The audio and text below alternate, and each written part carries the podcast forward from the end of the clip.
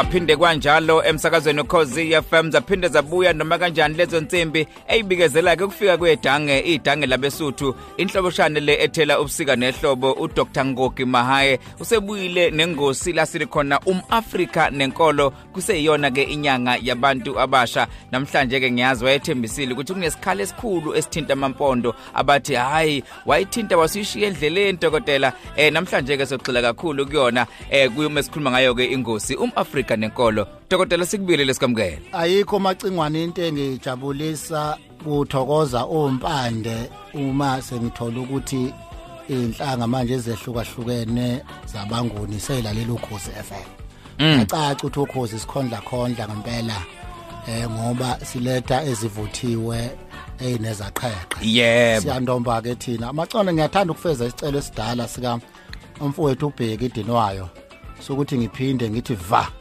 Kumampondo. Mm. yeke ngithi cababa kumashangana yebo. Uma kungenzeka. Mengenzeka isikhathi. Isikhathi. Macingwana amampondo ayenzala kwaSibiside wasembo. Mm. Umpondo wayezalwa unyanya indodana kaSibiside kaSidweba kadlozela kalanga. Amampondo ayingxenye yabantu bakwamkhize bendlu kagubhela uyise kamavovo. Mm. Abakam- aba- abakwamkhize kwaZulu Natal banezindlu eziningi zobukhosi bendlu kamavovo. Umavovo wazala ukhabazela yena wazala ugcwabe ugcwabe wazala uzihlandlo yena wazala Us- Usi- usiyingeza ozale ungunesi amampondo nawo aqhamuka enhla nezwe. Ehla elandela amaxhosa wathi amampondo kanti amampondo akhuluma ulimi oluthi akalufane nesixhosa. Kodwa nxa usulu usululalelisa kahle kalufani ncimishi kukhona umehlukwana amampondo ahlukene isigaba ezimbili amampondo ase ase ase- aseqhawukeni eh, East Pondoland nawasenyandeni West Pondoland. Ambompondo abizwa eh, ngompondo ozala u- utahle yena owazala ungqungqushe. Ungqungqushe azala ufakwe yena owazala umqikela endlini yakhe enkulu kwathi ekhohlwa wazala undamase umqikela uzale usigcawu kwathi undamase wazala unqweliso yena owazala upoto ukwehlukana kwamampondo kube khona ku- ku- kube khona waseqawukeni nawasenyandeni kwenzeka ngo1860 ngenkathi inkosi ufako ehlukanisa indlu yakhe neyokhohlwa ukuze kungabibikho kungqubuzana kubanga ubukhosi. Phakathi phakathi kwamqinela inkosana yakhe nondamase inkosana yasekhohlwa.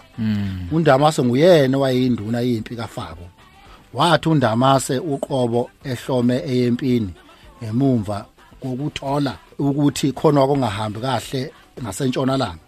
Ngoba wayekhe wayakhe khona ngasentshonalanga um- lapho umbuso eh eh, wayezozi wayezozimela khona.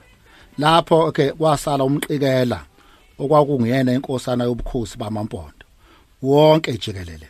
Amampondo ngasempumalanga agcine esaziwa ngokuthi awaseqawukeni kwathi awangasentshonalanga aziwa ngokuthi awasenyandeni angasempumalanga ayengapha kuka mqikela kuthi ayengasentshonalanga ayengapha kuka Ndamasa ukwehlukaniswa kumbuso wamampondo kube ngamampondo asempumalanga nawasentshonalanga. Ngaphansi kwamqineka nondamase eh eh kwasithena amandla isizwe samampondo ekuphumeleleni obala ekufuneni indawo izindawo ezingaphandle eh kwelasemapondweni. Njengasempumalanga hilikwa East Griqualand izwe lamaxesibe nelamampondomise kumbandakanya iPort St Johns. Ngenxa yokuthi babengasenabo nokuvumelana ekuthathweni kwezinqumo ezinjalo uWoodhouse wayeconsela amathe iPort St Johns. Kuthe ngo1986 ngo- ngo- kuthe ngo1866 leno kwathi nje ngemuva kwalokho e- e- e- uBuck Freire wayithatha ngaphandle kwemvume kamqikela ngokususa umqikela esikhundleni sobukhosi eh, wa- waseyithenga le ndawo umqwilise indodana kaNdamase isenzo eh, sikamqwilise sokuthengisa indawo akuzange ku- kuhambisane eh, nobuholi noma ebuholini bangaleso sikhathi kuleya ndawo. Kwathatha isikhathi eside izwe lamampondo lingekho ngaphansi kumbuso wamangisi. Kuthe ngo1888 kwakhona umbango phakathi kwasigcawu inkosana kamqikela. Eyamlandela ebukhosini nonhlanganiso wayiphonsela inselelo. Yebo kunjalo emsakazweni cause yafama saqhubeka nengosi laseli khona umAfrika nenkolo. Eh dokotela siyaqhubeka sikhuluma ngamapondo eh njengoba ke kuvela eh lapha ke amagama afana nomqiliso kwakuyindodana kaNdamase eh kanjalo ke eh, eh, nosigcawu eh kamqikela. Kodwa ke kuhamba kuhamba bephambane ngembono kwase kufuna ukuthi ke kufake uhulumeni phakathi kwakuhulumeni obandlululo owayibonela ibhodi eliconsayo lapha ePort St John's. Uhulumeni wekoloni wabuke wakubeka ngokusobala ukuthi wona uyakwese uyokwesekela umuntu ofa ofuna ukuthi izwe lamampondo libe ngaphansi kombuso wamakoloni ngempela kwabanjalo ngoba bebengena kanjalo kakhulukazi lapha ezindaweni zethu. Kwazothi ngo1894 uRhodes siyamazi usisi Rhodes wagasela emampondweni. Wafika walidlizwa lamampondo. Walifaka ngaphansi kombuso wamakoloni ngokukhulu ukusheshsha ngaphezulu kwalokho usigcawu ayikucabanga eseyisakhamuzi sasekolweni usigcawu wala ukukhokha intela yezindlu kuze kube unhlanganiso ejeziswa ngendlela yena usigcawu aye ezomenelisa ngayo. uRhodes wavela wakhipha isinqumo esasithi akuboshwe usigcawu agqunywa jele ngaphandle kokubekwa nokuquliswa icala wazo wakhishwa ngomyalelo kamehluleli oyinhloko eh uchief justice ngolimi la namhlanje kukhona namampondomise ayengaphansi kukaGambushe. Kusukela ngo1837 kuya ku1906 ngemva kwaGambushe abangaphansi kuka kukaMhlonhlo amampondomise aqhamuka amampondomise aqhamuka kumampondomise kumpondomise oyiwele nompondo. Kusho ukuthi umpondomise nompondo akufani. Ezinye izizwe zingaphansi kwamampondo amabomvana namaxesibe. Amabomvana namaxesibe ngoba ngeke ngakhuluma ngawo kakhulu. Eh cishe amacingwane eh eh angivale ngamabhaca nje ngithi jump lapha kumabhaca ngoba bayangikhalela nabo angisazi manje.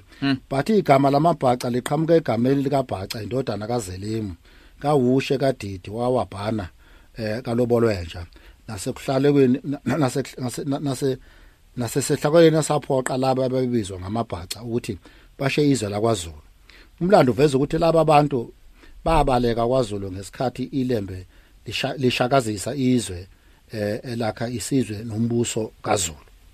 Eh babe kade bakhe lapha ngayiseduza kwakithi enkandla entunjambili buduze nesiyalo somfula umvoti.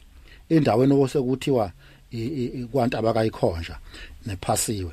Laba bantu babehamba bebhaca besaba ukuthi impi kaShaka ilembe ngahle ibabona ibabulala kwathi nxa ofudukweni lwabo befika phesheya kumzimvubu inkosi ufake yabathatha yabafaka ngaphansi kwabo. Babo nabo basebeba amampondo acingwane siyahabulisa nje eh ulusha lwethu enyangeni yabasha ngezinto ezinye zibe zingathi zizinganekwane nje kanti kufuneka bazazi ukuze bazigqaje ngoba uze umuntu esephelele la kusigqaja ngoba yena ngoba engawazi lo mlando soceka ngaka engathi imfundo yethu ingahlala njengoba senza nje ingahlala njalo ikhoma izinto lezi kuze sithi say decolonize education siyokwazi uyidecolonize noba sesingazi ukuthi sesazi ukuthi obani singathi say decolonize kanti si advance noma si deepenisha eh ubukoloni noma ucolonizwa eh nayo itechnology lesefikile amacingwane ake siyibuke ngokomlando.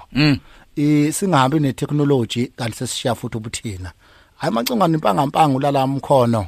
Ngithi undlela andakabulali kwabamkhonzayo. Ukubonga kwami ngoba ngayenjalo Ay kunjalo dokotela. Ngithemba ukuthi badle amaningi eh noma kanjani esakeni ngoba emgodla godleni buphethe kodwa ke into evela ukuthi mesikhuluma ngayo le ngosi umAfrika nenkolo sithi zonke izizwe eh sithi zonke izizwe azize ngempela zizocotha zizocosha eqinisweni. Iqatha osuke ngempela ke usuqoba uqoba ke uyaba. Abona amangiyaba amacingwane. Ngiyabuya ngeviki elizayo ngizokhuluma ngezinye izizwe. Ngezinye Ngizoke ngigcile nje izweni. Ngithi kugcila nje izweni. Uze ngithi ngiyabuya sengithaka lapha nalapha sesithaka inkolo kodwa abantu bebezazi bawo ba. Hey zonke izizwe ji amapondo ji amabhaca ji abesuthu ji amazulu Ashi. zonke izizwe Ashi.